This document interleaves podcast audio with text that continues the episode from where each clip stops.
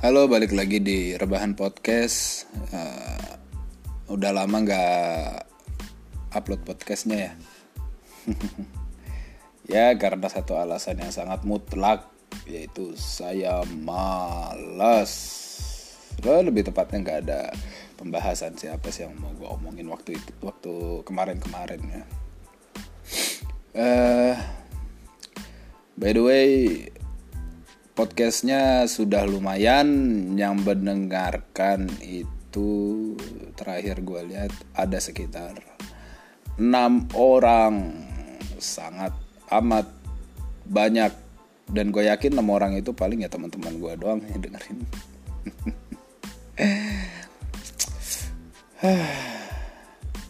Semenjak gue ada di Arab Indonesia hmm, banyak banget berita-berita yang cukup bikin gempar ya gak sih? Ya yang pertama kali gue denger itu waktu itu sempet ditemuin sebuah keluarga deket dari rumah gue ya lumayan sekitar 15 10 15 menitan dari rumah gue itu ditemukan rumah yang penghuninya merakit bom Uh. Dan sudah ditangkap oleh pihak yang berwenang. Alhamdulillah. Ya, sebenarnya dia ngapain yang rakit bom?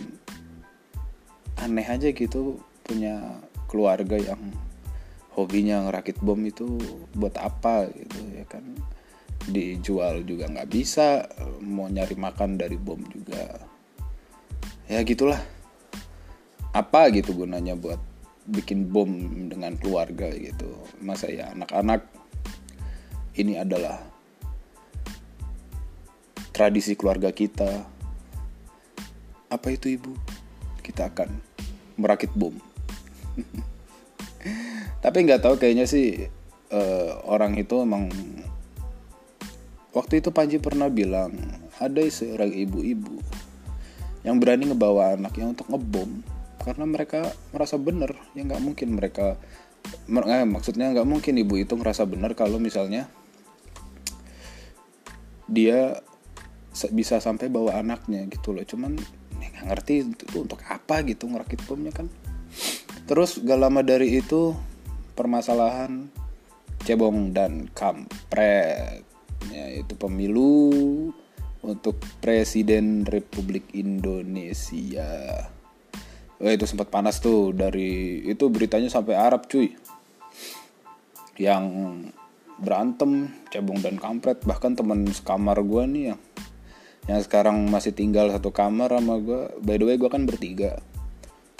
Gue nggak mempermasalahkan masalah cebong dan kampret tapi mereka berdua ini yang satu pro Jokowi, yang satunya lagi pro Prabowo. Ya, gue nggak ngerti lah apalah yang satunya ngejelek-jelekin dan sebaliknya seperti itu.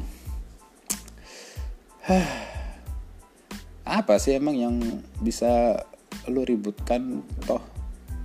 Misalkan satu dari mereka jadi presiden ya apa gitu? Ya udah biarin toh kita juga di luar negeri. Dan lagi setelah itu ada demo besar-besaran menolak Jokowi menjadi presiden. Dibilangnya curang dibilangnya apa. Ya itu kenapa ya?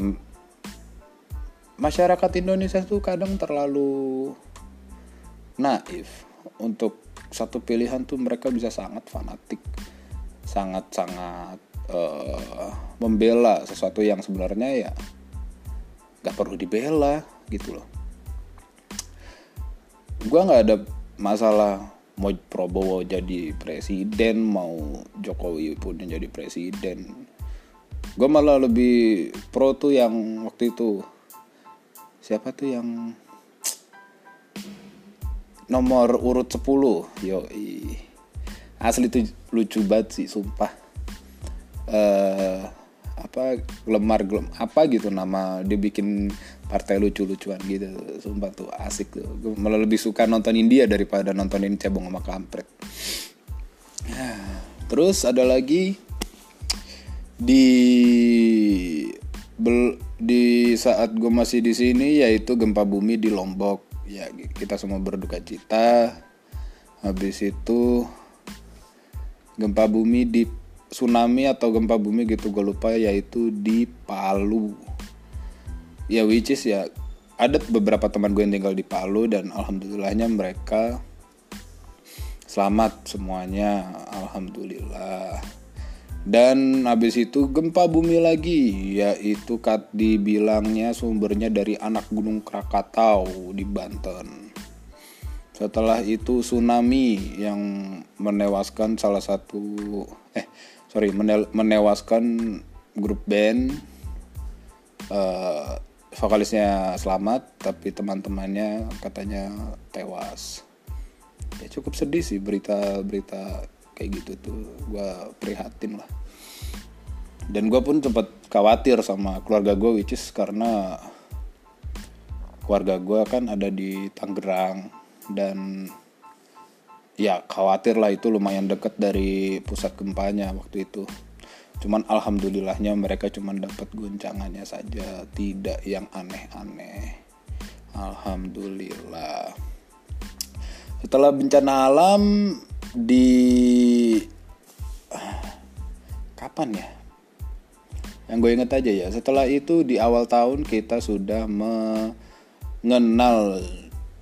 tokoh baru di Manchester yaitu Reinhard Sinaga yang kabarnya dia memperkosa 195 orang pria dengan cara memasukkan zat-zat yang saya tidak tahu apa namanya ke dalam minumannya. Saat mereka tidak sadar, Reinhardt langsung memperkosanya. Dan kabarnya sih dia di penjara di sana ya. Cuman gue nggak tahu gue ngikutin beritanya lagi. Dan awal tahun lagi kita mendapati banjir di Jakarta setelah tahun baru Pas setelah tahun baru, setelah langit kita sarang dengan kembang api, langit pun membalasnya dengan hujan lebat tanpa henti.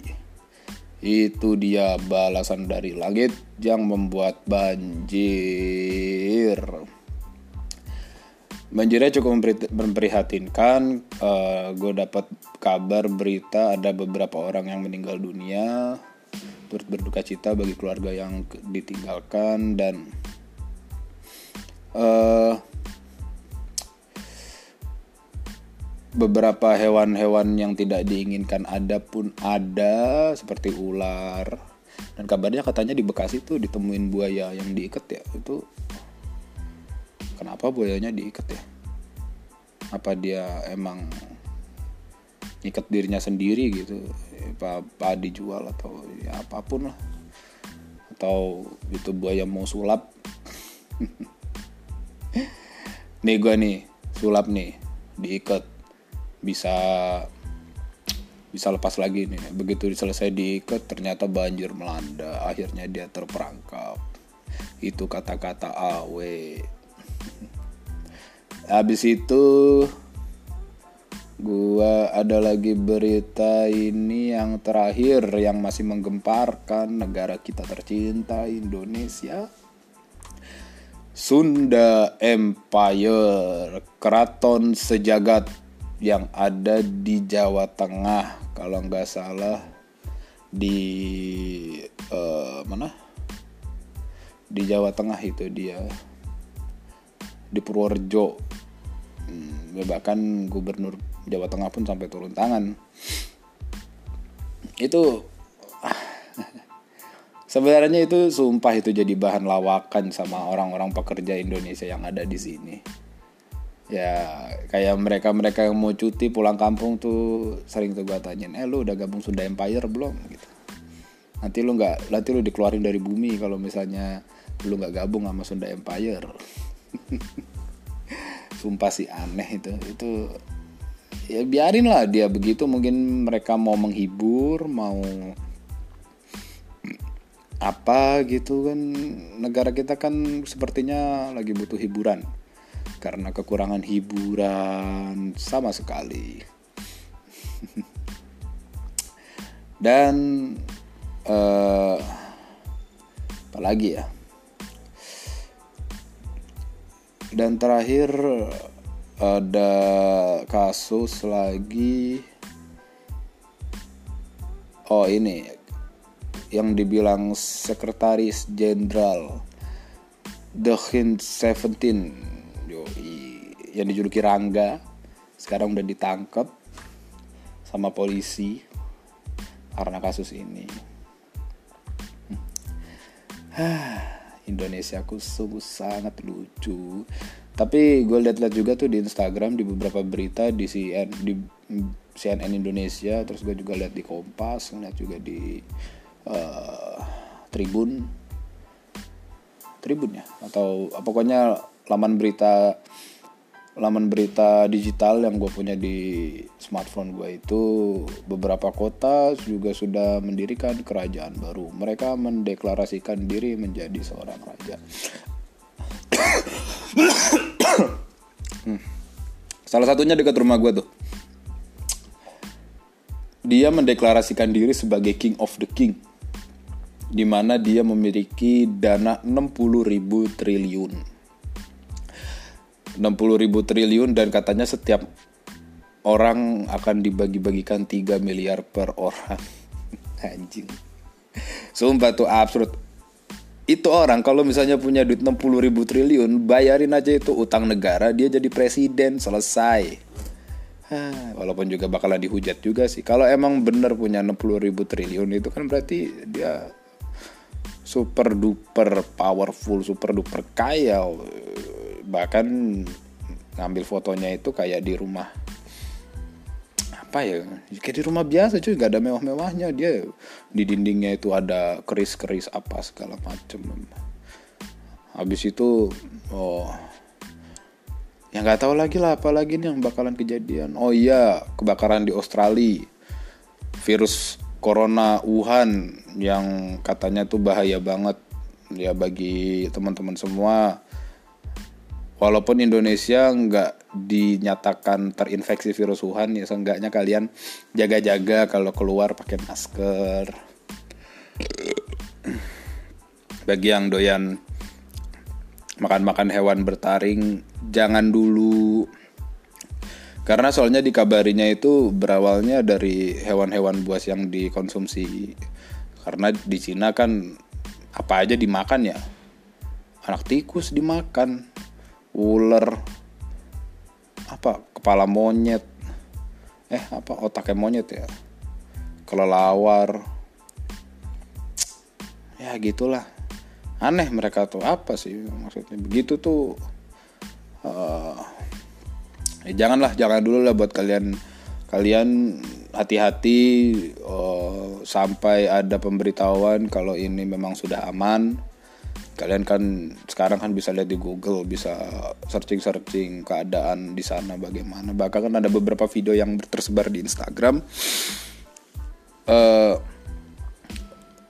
para pemuda-pemuda Cinanya itu mereka pada bikin video-video gitu pernyataan kalau misalnya pemerintahnya itu nggak peduli sama keadaan negara Cina sekarang Allah Akbar. Sungguh sangat ironi. Ya kita doakan sama-sama Warga Cina biar cepet kelar masalahnya. Kasihan juga cuy.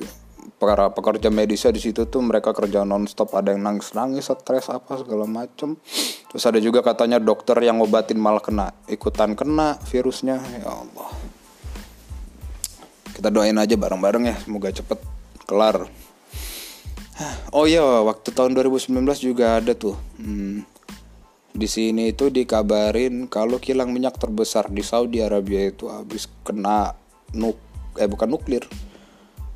Kena rudal, nggak tahu katanya rudal dari mana. Yang jadi kambing hitamnya sih Yaman. Tapi gue kira Yaman bisa bikin rudal emangnya. Ya nggak tahu lah. Ya begitulah kabarnya sih dari Yaman, cuman kayaknya sih enggak deh ya karena memang di sini uh, di Timur Tengah ini khususnya kan memang bagian konflik banyak negara uh, salah satunya Iran Irak uh, itu kan Palestina tuh juga lagi pada perang perebutkan jalur Gaza itu ya. Entah mereka kayaknya meluncurin roket terus nyasar gitu roket nyasar kan kalau orang nembak salah sasaran kan peluru nyasar ini kayaknya roket nyasar atau gimana gitu. Ya gitulah. Ada by the way uh, nih gue bikin podcast ini karena emang gue lagi gabut aja. Uh, tamu di hotel gue juga lagi lumayan rame ada sekitar 300 orangan. Ya gue cukup capek lah kemarin-kemarin ini. Jadi itu juga kenapa gue nggak bikinin podcast. Ini sekarang di sini tuh lagi high season. Banyak orang-orang yang lagi pada umroh. Sendiri cuy. Gue kerja sendiri cuy. Ya Allah. Lu bayangin tuh masakin 300 orang sendirian lu itu gue waktu itu sampai tangan gue tuh pernah kesleo gara-gara gue bikinin adonan bakwan. Gue aduk pakai tangan tangan gue kesleo acau kerja di kitchen keras. Terus juga uh,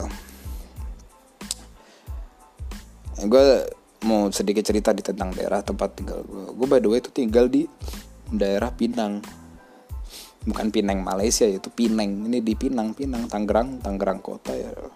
Situlah dekat-dekat Ciledug situ. Gue tinggal di situ tuh tapi kalau gue ditanya orang kalau lu tinggal di mana? Gue tinggal di Ciledug.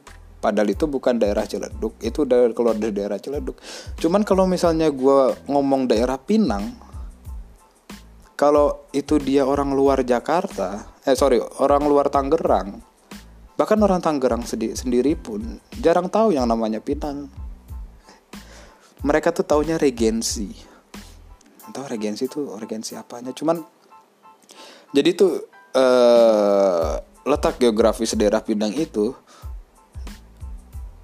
buk Ciledug bukan, Bintaro bukan, BSD bukan, Alam Sutra bukan. Ya udah di situ aja dia entah dia tuh apa goib kayaknya di situ jadi gue kalau misalnya uh, ditanya orang mas tinggal di mana? Uh, di Tangerang. Oh saya tahu di BS itu saya di BSD gitu. Oh iya bu rumah saya deket BSD itu gue sering tuh begitu tuh.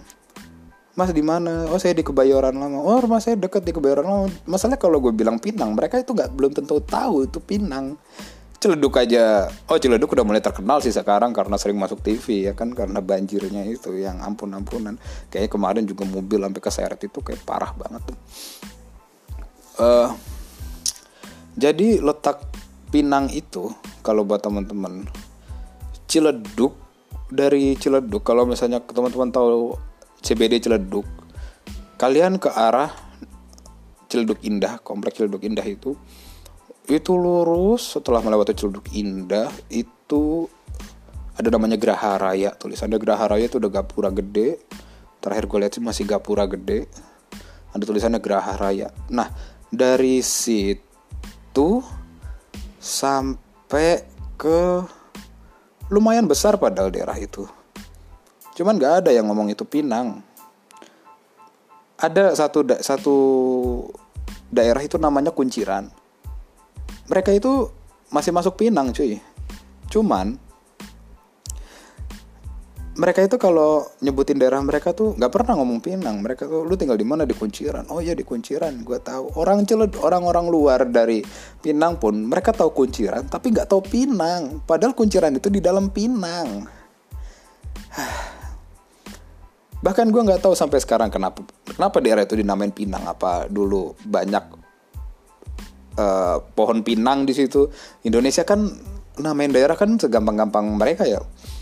Kebon jeruk dulu di situ banyak pohon jeruk jadi kebon jeruk. Salak putih katanya di situ ada salak dulu uh, daerah daerah yang banyak salaknya disebut salak putih. Apalagi uh, pondok serut apa yang diserut gue nggak tahu lah itu pondok serut terus ada daerah namanya kalau di Indonesia tuh kebun manggis, katanya di situ dulu banyak pohon-pohon manggis. Ah, dan ngomongin daerah nih, di Pinang itu ada jalan namanya itu Haji Sontong. Di depannya itu jalan matahari. Jadi tokoh masyarakat bertemu dengan salah satu bagian dari tata surya itu gue nggak tahu orang tuh mikirnya gimana. Oke Haji Sontong, misalnya Haji Sontong mungkin di situ dulu ada orang namanya Pak Haji Sontong, Pak Sontong atau siapa, dia udah haji dan tokoh masyarakat itu cukup berpengaruh dan saat dia meninggal dijadikan nama jalan. Mungkin seperti itu. Dan di matahari gimana cuy? Apa mereka daerah situ tuh ngelihat, wah ada matahari gitu udah nih jalan matahari namanya. Apa dulu kalau berarti begitu namanya begitu mereka melihat bulan itu bakal jadi nama jalan bulan. Oh ya by the way di situ ada jalan matahari tapi nggak ada namanya jalan bulan. Jalan bintang jalan awan jalan apa ya? Nggak ada cuy. Udah itu jalan matahari. Di situ ada sekolah Pinang SD SD Pinang 6 Ya Allah, ada sekolah di dalam matahari. Dan uh, by the way bentar lagi gue kayaknya balik ke Indonesia karena si kontrakku pun juga sudah habis dan saya tidak berminat untuk melanjutkannya. ya semoga konten ini bisa jalan terus. Insya Allah, gue akan ngajak salah satu teman gue yang memang suka curhat juga sama gue kita bakal ngobrolin hal seru mungkin dia juga seorang pekerja di food and beverage. Oke? Okay? oke okay, thank you semuanya yang dengerin. Uh, bye bye